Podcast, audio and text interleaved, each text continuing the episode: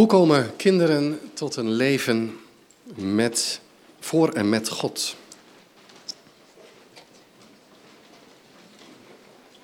Ik weet niet hoe u hier zit. Als ouder of als kinder of jeugdwerker in de kerk of allebei, of onderwijzer.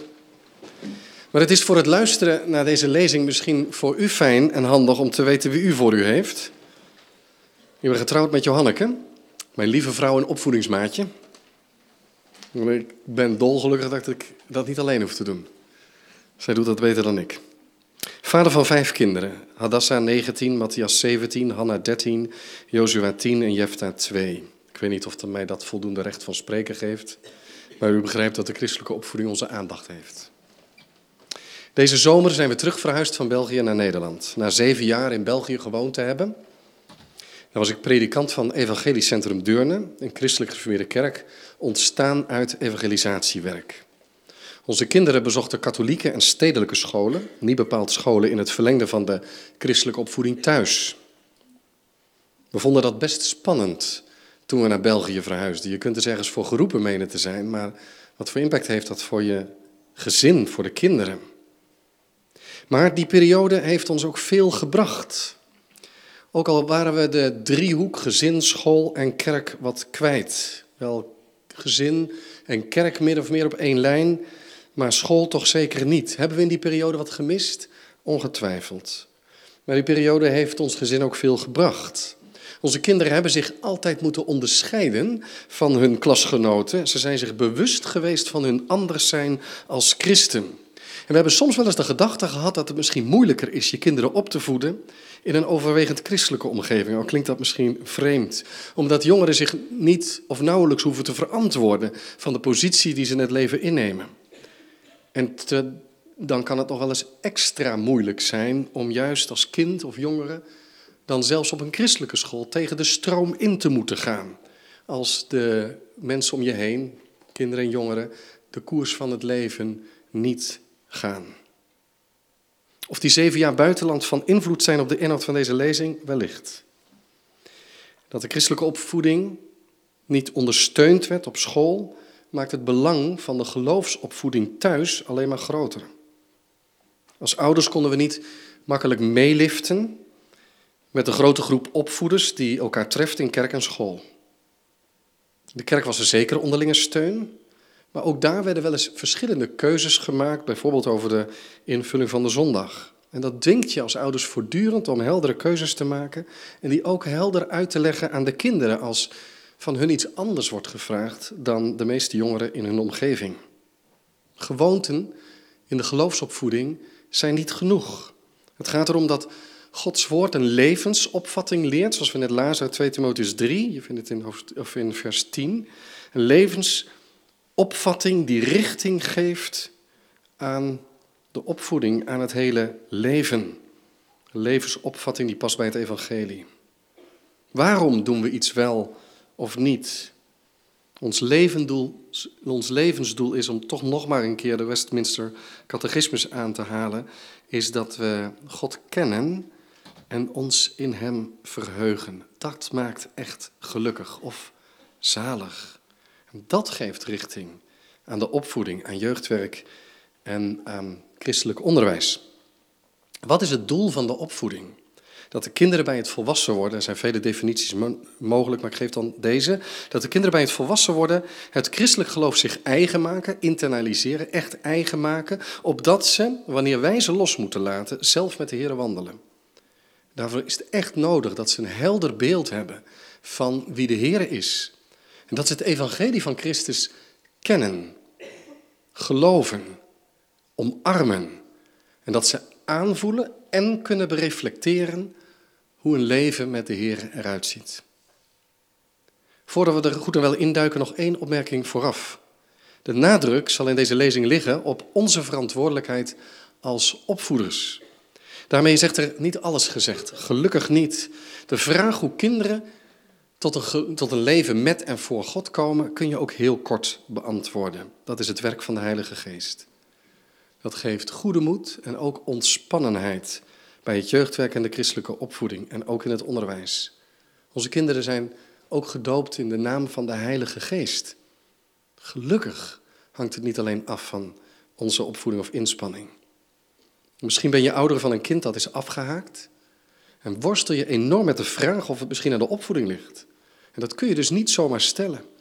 Als onze kinderen in Gods weg blijven gaan, is dat Gods genade, niet onze verdiensten. Er zijn kinderen afgehaakt die een prima christelijke opvoeding hebben gehad, vol van de liefde van God en van het woord van de Heer. De bedoeling van deze lezing is daarom ook niet om te zeggen dat als u nou maar dit of dat gedaan had, dat het wel anders uitgepakt was. Het is niet in onze hand. Toen onze jongste geboren werd in mei 2020, ruim twee jaar geleden, constateerden mijn vrouw en ik in de eerste weken al wat gaat die ontwikkeling snel. Elke week zie je groei, verandering, voortgang. Dat is prachtig om te zien. Geniet er maar van, vroegen, de mensen met een, vroegen mensen met een ervaren blik in de ogen je toe. Want ze zijn groot voordat je het weet. Nou, dat weten we inmiddels ook wel. In datzelfde voorjaar had mijn broer vanuit zijn woonkamer zicht op een vogelhuisje in zijn tuin. Ik zei tegen hem, wat gaat die ontwikkeling snel? Hij zei, snel? Ze zijn hier nauwelijks uit het ei of ze vliegen al uit en volgend jaar zitten ze er zelf op. En inderdaad, de ontwikkeling van kinderen verloopt eigenlijk, als je het zo bekijkt, uiterst langzaam. De meeste dieren zijn in een mum van tijd volwassen en planten zich weer voort. Bij de mens duurt dat proces jaren, laten we zeggen 18 of zelfs 25 jaar. Daar is in biologische zin van alles over te zeggen, maar ik denk ook in theologische zin. God geeft ruimte aan vorming, aan opvoeding, karaktervorming, geloofsontwikkeling. Hij heeft dat blijkbaar zo gewild. Dat geeft ouders, kerkelijk werkers, een onderwijzers een grote verantwoordelijkheid. En tegelijk is er ook aan onze kant ruimte voor ontwikkeling, bezinning, reflectie en correctie. Je mag meegroeien met je kind, zelf ook bijleren. Samen bespreek je de opvoeding. Constateer je wat er niet goed ging en probeer je toch nog weer beter te doen. Er is tijd voor. Tijd ook om als opvoeders te spreken en te bidden. De vorming van kinderen en jongeren vindt plaats in een bijzonder complex proces, waarbij de expliciete opvoeding, dus de momenten dat je bewust aan het opvoeden bent en daar woorden aan geeft, maar een onderdeel zijn van de totale vorming. Met onze opvatting, hoe we in het leven staan, een houding, dragen wij een visie op het leven over en die vormt onze kinderen. Dat geldt niet alleen voor ouders, maar ook breder, ook voor jeugdwerkers. Het voorbeeld, de eerbied, de vreugde in God, die zijn cruciaal. Je houding, hoe je de zin van het leven ziet, hoe je werk doet en hoe je met kinderen omgaat. In dat alles vindt vorming plaats. Ook het godsbeeld wat we meegeven wordt voor een deel gevormd door de woorden die we spreken, of het, maar voor een deel gevormd door de woorden die we spreken, of het onderwijs dat we aanbieden. Dat is wel een belangrijk deel. Woorden zijn nodig. Ik kom daar straks nog even op. Maar ze vormen maar een deel. Er gebeurt meer. We kunnen goed spreken van God. Er zijn geduld en vergeving. Maar als ongeduld de toon zet in onze opvoeding, communiceren we daarmee ook over God. Als we zeggen dat God altijd klaar staat om naar je te luisteren en je luisterend oor biedt, maar zelf ben je te druk met je eigen bezigheden om kinderen de ruimte te geven om echt naar ze te luisteren, Daarmee zeg ik niet dat ze gesprekken moeten onderbreken. Um, maar dan communiceer je ook iets over God. Als je in een opvoedingssituatie geconfronteerd wordt met leugens, oneerlijkheid of onoprechtheid, en je stapt er slap overheen omdat je er even geen zin in hebt, dan ondergraaf je eigenlijk, ik zeg het bewust wat stevig, maar je ondergraaft met je gedrag het onderwijs over Gods heiligheid rechtvaardigheid. We maken voor het gemak vaak onderscheid tussen geloofsopvoeding en de gewone opvoeding, maar het is de vraag of dat onderscheid houdbaar is. Om maar een Bijbels voorbeeld te noemen als Eli zijn opvoeding zijn jongens niet eens zuur aankijkt, niet verontwaardigd aankijkt, het laat het allemaal gebeuren. Is dat nou een probleem in de geloofsopvoeding geweest? Of is het juist een probleem in de opvoeding geweest? En dat dat die jongens uiteindelijk een verkeerd beeld van God heeft gegeven. En dat ze heel gemakzuchtig met de dienst van de Heer omgaat. Zo hebben ze Gods geboden aan de laars gelapt. Wat ik maar wil zeggen is dat geloofsopvoeding iets integraals is. We spreken vaak over de tweeslag van leer en leven. Je kunt er hele categorisatiemethodes naar noemen, bijvoorbeeld. Maar ik ben geneigd om daar nog iets tussen te zetten. Ik haal het al aan uit 2 Timotheus 3, vers 10. Maar u bent mij nagevolgd in mijn onderwijs, levenswandel, levensopvatting, geloof, geduld, liefde en volharding. Na levenswandel volgt levensopvatting en dat heeft denk ik betekenis. Die zou je misschien wel tussen leer en leven kunnen plaatsen. Dat woord vraagt aandacht voor christelijke karaktervorming, bijvoorbeeld. Soms heb ik het idee, daar bieden we te weinig, daar geven we te weinig aandacht aan. Er is de vraag, wat geloof je? Leer. En wat doe je als christen leven? Maar er is ook ruime aandacht nodig voor wie ben je zelf, voor God en voor mensen. Wie ben jij? Hoe sta je in het leven? We nemen de Bijbel erbij. Hoe komt de opvoeding van kinderen en jongeren in de Bijbel aan de orde? Kinderen en jongeren horen, zo lezen we, helemaal bij het volk van Gods verbond, dat door God uitgekozen is. Maar ze mogen kind zijn. Ze dragen nog niet van meet af aan de volle verantwoordelijkheid. Ze worden ingewijd in het voorrecht en de verantwoordelijkheid om bij Gods volk te horen. We kijken eerst naar Deuteronomium 6 en dan naar Psalm 78. In Deuteronomium 6 zien we hoe geloofsopvoeding niet beperkt blijft tot bijzondere momenten van geloofsoverdracht of huisgodsdienst, maar opnieuw een integraal onderdeel vormen van het gezinsleven. De woorden van God moeten ingeprent worden bij de kinderen, ingescherpt, vers 7. En dit kunnen ouders niet uitbesteden aan de priester, net zo min als ouders dat vandaag kunnen uitbesteden aan kerk of school. De woorden van God moeten worden ingeprent.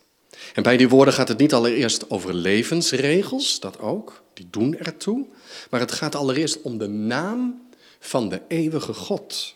Luister Israël, de Heere onze God, de Heere is één. En dat wil ook zeggen, hij is enig. Hij is de enige. Hij die trouw is en die geen andere goden naast zich duldt. De Heere is één. Hij is als enige degene die eer mag ontvangen. In wie wij vreugde mogen en moeten vinden. Die de liefde van ons leven moet zijn. De Heere, de ene, de enige. Die ons werkelijk vreugde kan geven. De geloofsopvoeding heeft een duidelijke grondbeleidenis nodig. Die is onmisbaar. Zonder deze grondbeleidenis heeft de geloofsopvoeding geen richting. Hoeveel regels en bepalingen je ook in het leven roept. Je kunt kinderen waarschuwen voor de levensopvattingen die de wereld in de aanbieding heeft. En natuurlijk moet je dat doen. Je kunt ze willen beschermen tegen verkeerde invloeden, maar dat kan pas op een goede manier vanuit deze grondbeleidenis. Gods woorden, zijn geboden, worden overgedragen vanuit de grondbeleidenis. En die gaat over wie de Heer zelf is. Denk ook aan de tien geboden. Die beginnen met ik ben de Heer, uw God, die u uit het diensthuis uit Egypte geleid heeft. En die opvoeding, zegt Deuteronomium 6, vers 5, is erop gericht dat wij in onze kinderen de Heere onze God, de God die een verbond met ons is aangegaan, liefhebben. Met heel ons hart, heel onze ziel en heel onze kracht. De geloofsopvoeding, zegt Deuteronomium 6, vers 6, begint niet met wat je de kinderen voor zou willen houden, maar het begint bij je eigen hart. Die woorden moeten in je hart zijn. De regels die gesteld worden zijn geen doel op zichzelf, maar middel om God te kennen. De concrete aanwijzingen voor het leven, zo leven we wel, zo niet, dit doen we wel en dat doen we niet. Je gaat duidelijk grenzen stellen, maar die horen bij het kennen en liefhebben van de Heer. De concrete geboden, kun je zeggen met een beeld, zijn het hekwerk rondom de tuin, waar de kinderen veilig kunnen spelen. Geloofsopvoeding is een zaak van het hart. Hoe kun je kinderen en jongeren in je gezin, in de kerk of op school de weg wijzen als je niet zelf een hart hebt waar Gods liefde in woont? Die liefde in het hart zal ervoor zorgen dat ook op momenten dat je niet bewust expliciet aan het opvoeden bent, er toch geloofsoverdracht plaatsvindt. De kinderen zien scherp hoe je in het leven staat, welke keuzes je maakt en waarom. En hoe je verlangens richting geven aan je leven. Vanuit die grondbeleidenis, vanuit de liefde van het hart, Vanuit die liefde worden woorden ingeprent, ingeschept bij de kinderen. En dat gebeurt, stelt uit Deuteronomium 6, vers 7 tot 9, door te spreken. Het gesproken woord, hoe belangrijk het hele voorbeeld en de levenshouding ook is, het gesproken woord blijft belangrijk. Je moet meer doen dan het goede voorbeeld geven. Er moet ook gesproken worden, herhaaldelijk. Bij herhaling wordt er gesproken over wie God is, wie Christus is. Uitleggen, inprenten. En neem dat alsjeblieft ook letterlijk. Prent het in door Bijbelteksten uit het hoofd te leren. Zorg dat de woorden van God letterlijk klinken en herhaaldelijk. Scherp die in. Inprenten is meer dan vluchtig benoemen. Het is ook meer dan woorden erin stampen. Ze kunnen uitgelegd worden en toegepast, eigen gemaakt, van buiten geleerd, opdat ze, de kinderen ze ook van binnen leren. Ook bij het inscherpen van Gods woorden blijft de geloofsopvoeding niet beperkt tot gewijde momenten. Het is natuurlijk belangrijk om huisgodsdienst een bepaalde plaats te geven in je gezin. Dat zijn gewijde, bijzondere momenten van bijbelezen, gebed, gesprek en samen zingen. Maar het is ook zo belangrijk dat er in het gewone leven over God gesproken wordt. Zoals Mozes hier zegt, als u in uw huis zit. En als u over de weg gaat, als u neerligt en als u opstaat. Daarin klinkt door midden in het leven, gewoon bij de thee of onderweg naar school. Of als je boodschappen doet, misschien niet direct het gangpad van de supermarkt de meest ideale omstandigheid om de heilgeheimen van het evangelie te verklaren. Maar het moet juist midden in het leven staan. Zodat ze aan gaan voelen dat christen zijn ook iets met de boodschappen te maken heeft. En met hoe je op school bezig bent en op je werk. Vraag maar aan de kinderen, begrijp je waarom we dit of dat belangrijk vinden? Waarom we die keuze maken? Waarom vinden we het eigenlijk belangrijk om niet maar dure spullen te hebben? Waarom zijn we gastvrij in ons gezin, bijvoorbeeld? Het is, begrijp me goed, belangrijk om momenten van huisgodsdienst te hebben. Dan kun je zeggen, de Bijbel is open. We zwijgen en luisteren. Het is een eerbiedig moment. Maar buiten die speciale momenten om moet het eigenlijk heel gewoon zijn om over de Heer en zijn dienst te spreken. Om het geloof bij het leven te betrekken, bij de schooldag, bij het spelen. De kinderen moeten echt leren dat het kennen van de Heer niet aan liturgische, gewijde momenten hangt. Maar dat het gewone christelijke leven op die momenten gevoed wordt. En met de woorden als u neerlegt en als u opstaat, wordt ook aangemoedigd om de geloofsopvoeding voortdurend ter hand te nemen. Het is een voortgaand, voortgaand iets. Laat het niet maar een klein onderdeel zijn. En in praktijk betekent het niet dat je over niks anders meer kan praten. Je hoeft er niet over geestelijk in te gaan doen. Maar laat het een integraal deel van je leven zijn.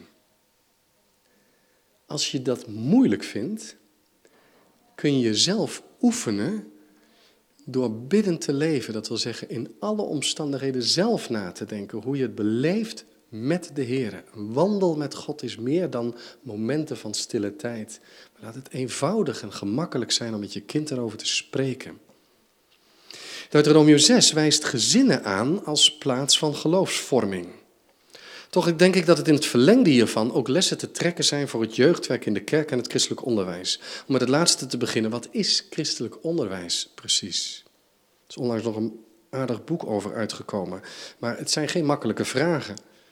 Is christelijk onderwijs hetzelfde als hetzelfde onderwijs bieden als seculiere scholen, maar dan omlijst met dagopeningen, dagsluitingen aangevuld met godsdienstlessen? Of is het meer? Ik begrijp ook wel dat wiskunde wiskunde blijft. Maar de christelijke school biedt bij uitstek ruimte voor het betrekken van het geloof op alle facetten van het leven. Christelijk of reformatorisch onderwijs is zeer kansrijk. Juist op die school wordt het verband gelegd. En gaat het over de breedte van het leven waarin de kinderen en de jongeren onderwezen worden. En kan er nagedacht worden over dat mag wat mij betreft in groeiende mate in het christelijk onderwijs zo zijn, ook nadrukkelijk aandacht komen voor de vorming van de persoonlijkheid van leerlingen. Wat is een christelijk karakter en hoe kan die gevormd worden? Ook bij kerkelijk jeugdwerk, catechese, mogen we dit niet vergeten. Kerkelijk onderwijs kan te veel op het hoofd gericht zijn.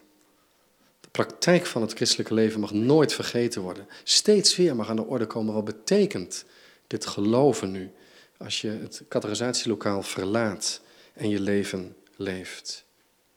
De woorden, zo stelt Deuteronomium 6, die moeten die woorden van God als een teken op de hand gebonden worden. Opdat we beseffen dat alles wat we met onze handen doen tot eer van God is.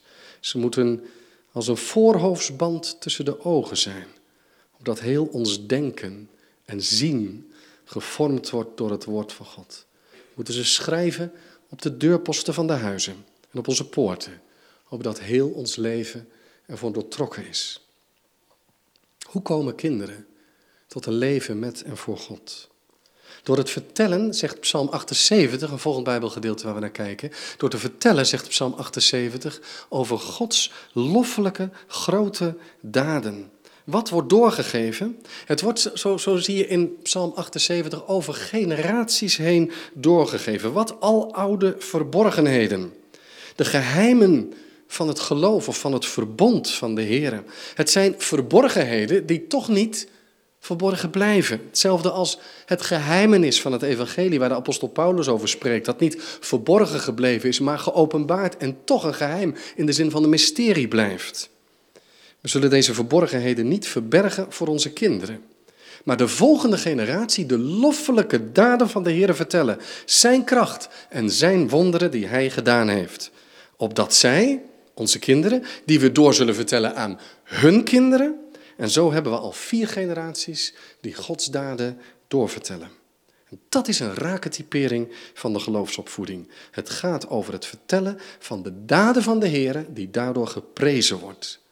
Doorgeven dat God goed is en machtig en heilig en trouw en vol liefde. Het doel staat er expliciet bij vermeld, opdat de volgende generatie ze zal kennen. De kinderen die geboren zullen worden. En zij opstaan en ze weer hun kinderen vertellen, opdat zij hun hoop op God stellen. En Gods daden niet vergeten, maar zijn geboden in acht nemen. Psalm 78 vertelt dus over vier generaties. En dat perspectief van die verschillende generaties mag ons scherp houden. En daar mogen we onze opgroeiende kinderen ook wel op wijzen. De keuzes, zeggen we tegen ze, die jij maakt, doen ertoe. Als jij nu in de weg van de Heer gaat en je bidt voor een relatie. En je gaat je weg echt ook verder met de Heer. Wat zal dat betekenen? Kunnen betekenen? Zal de Heer het niet kunnen gebruiken, willen gebruiken voor jouw kinderen en een volgende generatie? Maar jouw keuzes doen ertoe. Want als jij die keuze niet maakt, zullen je kinderen dan horen van de schepper en verlosser.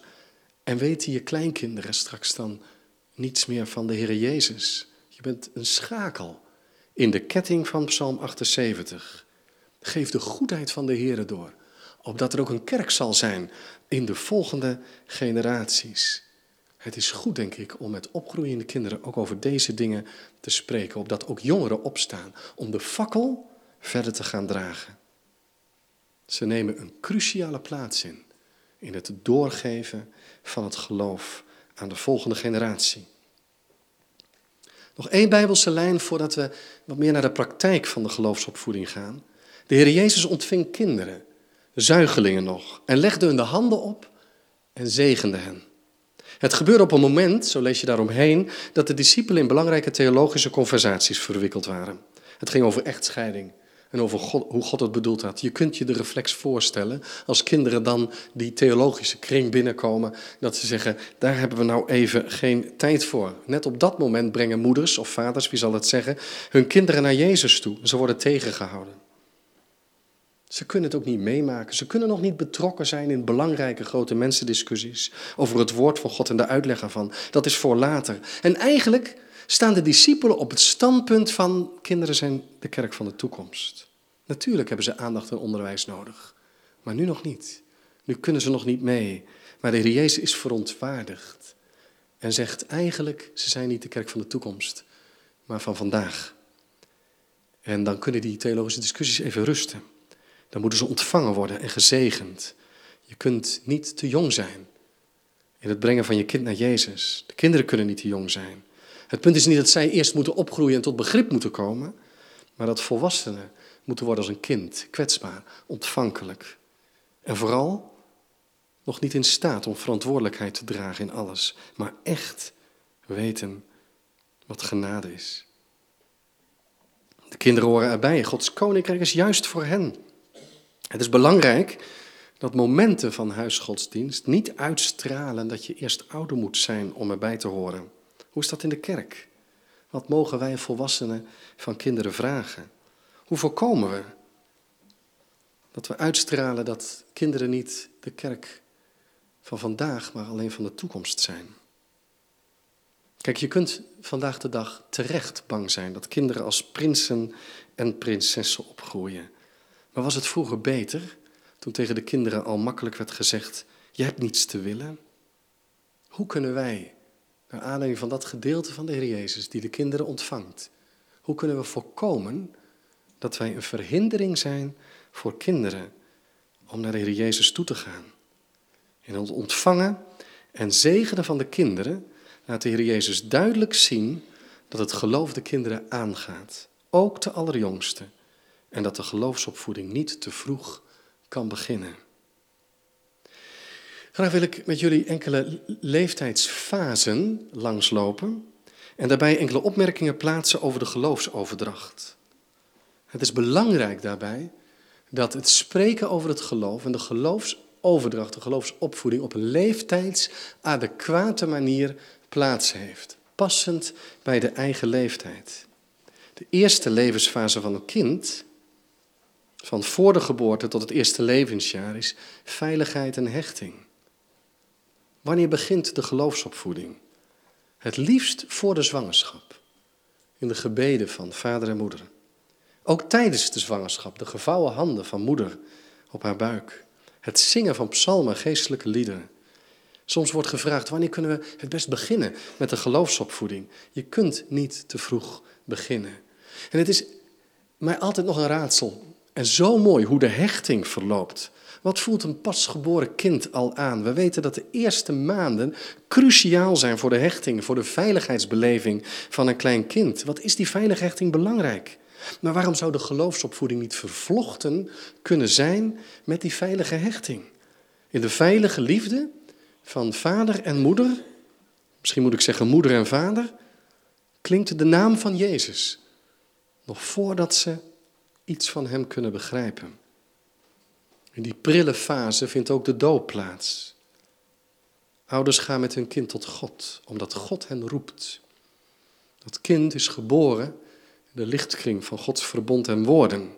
Het hoort als lid van de gemeente van Christus gedoopt te wezen.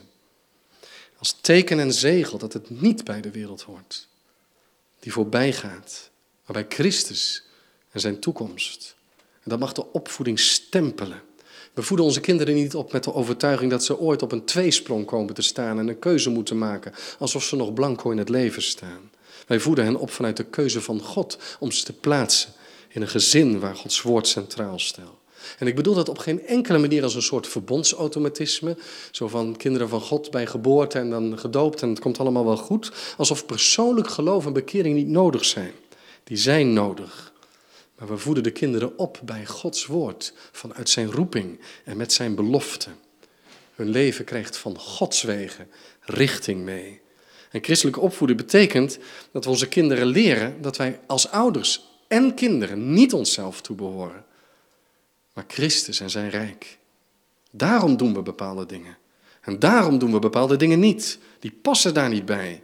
We zijn geroepen om naar de stem van de goede herder te luisteren. De grondbeleidenis dat de Heere één is, ligt ten grondslag aan de verbondsopvoeding. In de eerste levensjaren kunnen we nog weinig onderwijs aan de kinderen kwijt. Het kind begrijpt nog weinig, maar houdt van rituelen, herhalingen, en een veilige, is fijngevoelig voor sfeer. Onze Jefta van twee kan ik nog geen categorisatielessen geven. Ik probeer het af en toe. Gaat niet goed.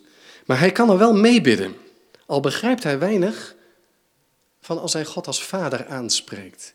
En de Heer Jezus aanspreekt in zijn gebed, die hij toch een beetje mee bidt of brabbelt. De woorden zegt hij al mee. En we vertellen over God. Kinderen in deze leeftijd houden zo van herhaling. En we, halen de, we herhalen de Bijbelse verhalen met de prachtige platen eindeloos. Rituelen aan de eettafel en voor het slapen gaan zijn belangrijk. Lepel het er maar in. Het geloof. Begrijp me goed? We weten ons volledig afhankelijk van de Heilige Geest. We bidden om de Heilige Geest met en voor onze kinderen. Maar dat strijdt niet met prille geloofsoverdracht. En wat zijn kinderen ontvankelijk? Zet op die geloofsontwikkeling geen enkele rem. Leer kinderen de Heer te prijzen nog voordat ze begrijpen wat ze doen. Eens corrigeerden de fariseeën de kinderen die het Hosanna voor Jezus ergens opgepikt hadden en naspeelden en nazongen. Dat kon toch niet, zeiden de fariseeën. Maar Jezus wilde er ruimte voor geven, want zouden zelfs de stenen gaan roepen. Leer de woorden maar vast, nog voordat ze het begrijpen. Kinderen kunnen al zo vroeg reproduceren. Onze Jefter van twee kan inmiddels de Bijbelboeken opzeggen, als je het gebrabbel een beetje kunt volgen tot Rut. Daar zit een cadans in die helpend is. Onze oudste kon het ook toen ze twee was en ze deed het ook luidkeels in de kruidvat. Mensen keken ons bezorgd aan of ons kind indoctrineren, en dat deden we, met de beste doctrine.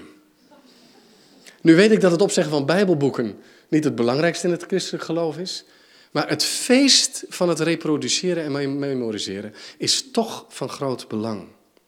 Maak ze vertrouwd, zelfs met Bijbelse verhalen en klanken. Zing gebedsliedjes eindeloos vaak, totdat ze mee gaan doen. Voordat kinderen vier jaar oud zijn, zijn er al belangrijke dingen gebeurd in de geloofsopvoeding. Als ze iets ouder zijn, laten we maar zeggen vier tot zeven, kun je ze echt leren bidden. Wat leer je dan? We leren ze al snel met eigen woorden bidden. We leren ze danken voor wie God is. En dat ze mogen opgroeien met Gods woorden en Gods genade. De kinderen zullen dit geloven en aannemen. Dat is alleen maar goed. Het is nog net te vroeg voor de vraag of ze wel echt geloven met hun hele hart. Reflectie blijkt voor volwassenen al moeilijk te zijn. Dat is wel belangrijk. Maar de kinderen moeten er tijd voor krijgen. Laat hen kinderlijk geloven. Er zullen nog vraagtekens genoeg op hen afkomen en ook terechte vraagtekens. Maar wij hopen als ouders van harte, voordat de kinderen tien of twaalf zijn, dat ze zoveel zicht hebben op Israëls God, de Vader van de Heer Jezus Christus, dat zelfs als de weerbarstige jaren komen, ze er eenvoudigweg niet meer los van kunnen komen. En laat ze dan maar kinderlijk bidden. We hebben als ouders al vaak beschaamd gestaan door de gebeden van onze kinderen. En soms, eerlijk is eerlijk, moet je ook ingrijpen en wat bijsturen. Vooral als verjaardagen eraan komen. Net als in het klassieke doopformulier staat, houden we de spanning er graag in. We danken dat God hen genadig wil zijn. En hem belooft hen tot zijn kinderen aan te nemen. En tegelijk bidden we daarom, om de krachtige werking van de Heilige Geest in hun levens. Leer de kinderen dat zonde erg is. Dat God heilig is. En dat vergeving nodig en mogelijk is. Is de Bijbel dan een krachtig middel bij de geloofsopvoeding van jonge kinderen? De Heer Jezus zelf vertelde veel verhalen. De Bijbel bevat verhalen. We kunnen de kinderen, voordat ze de geloofsleer kunnen begrijpen, al meenemen in de wonderlijke wereld van de heilsgeschiedenis. Je kunt beginnen met prentenbijbels en verder met kinderbijbels. Steeds opnieuw is de toepassing. Hoor Israël, de Heere, onze God, de Heer is één. Hij is de liefde van ons leven waard.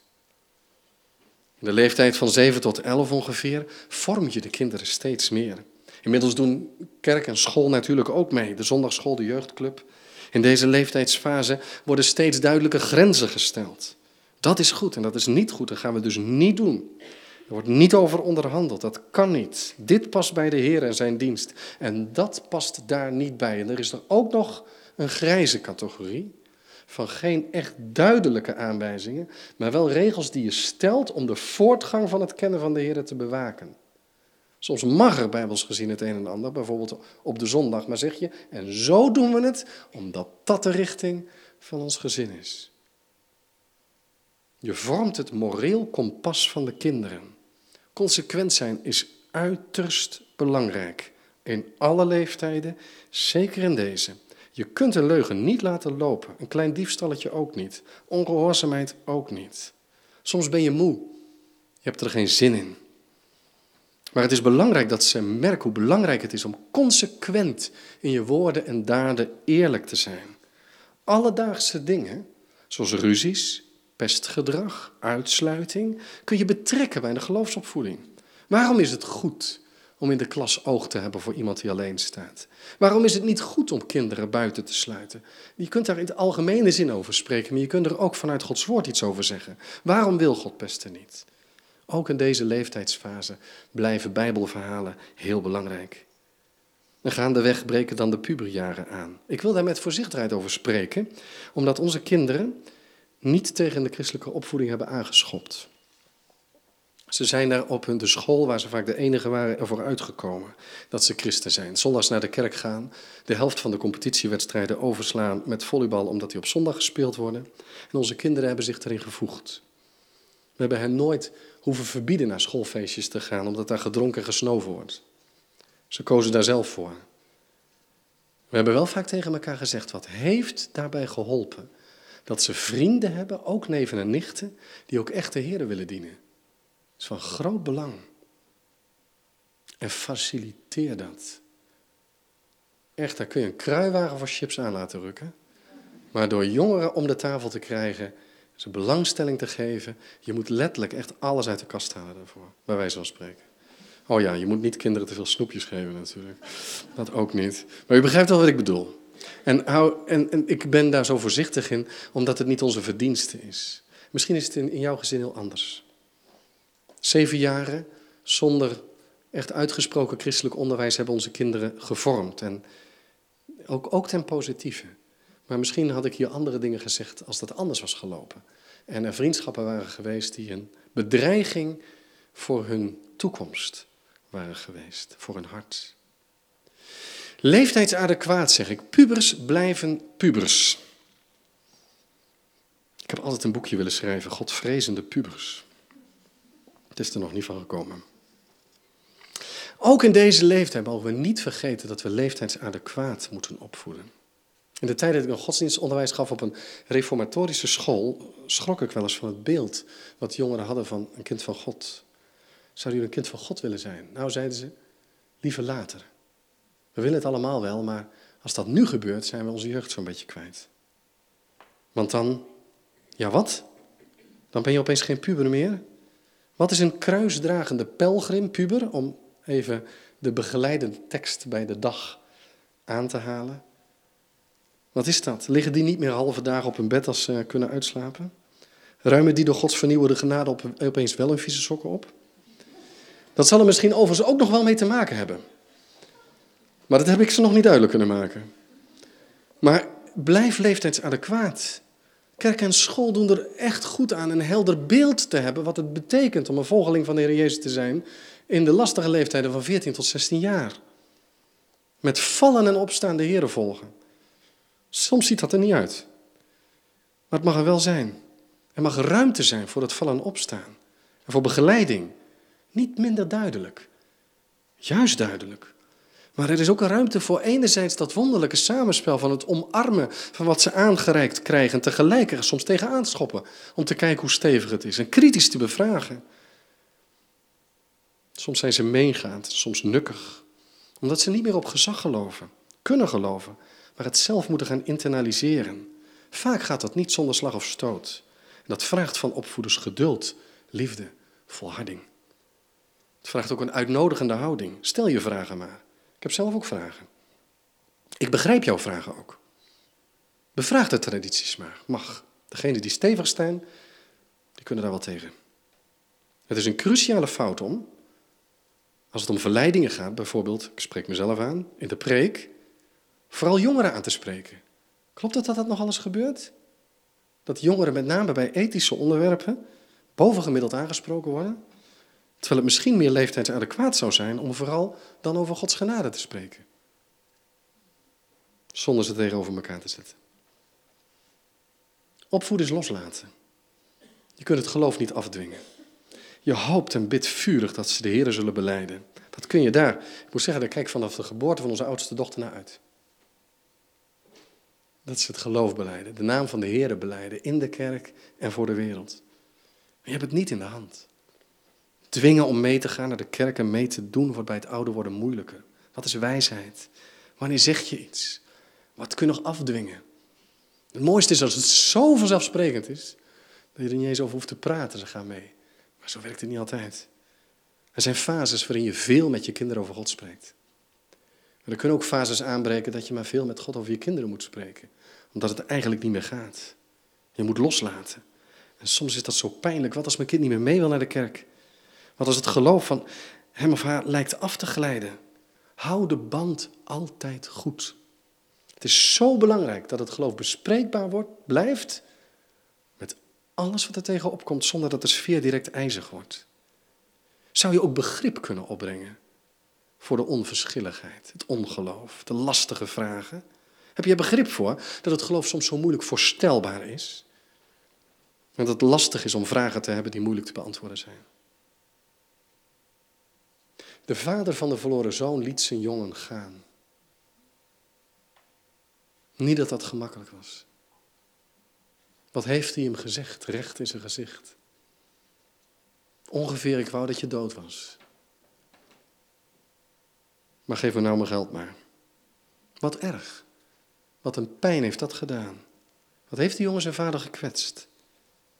Maar in het loslaten van die vader lag een uitnodiging om terug te komen. De jongen durfde terug te gaan. Laat de band goed blijven.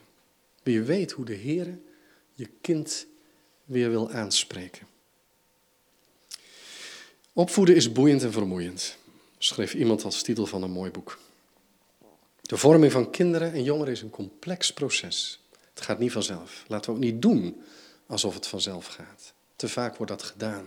Er is gesprek nodig. Tussen ouders onderling, voortdurend gesprek, maar ook met meerdere ouders. Bevraag elkaar. Leer van elkaar. Bram de Muik die deed er in de Waarheidsvriend pleidooi voor om peetouders weer in te voeren. Geen gek idee. Dat mensen verantwoordelijk meekijken met de opvoeding. En eigenlijk zou de familie zo moeten functioneren. Bevraag elkaar. Waarom doen jullie dat zo? Zou je dat wel doen? En welke keuze maken jullie in deze omstandigheid? Is ook belangrijk om bezinningsmomenten te hebben rondom het jeugdwerk. Bezinning en gebed zijn cruciaal. Vinden we deze tijd een moeilijke tijd?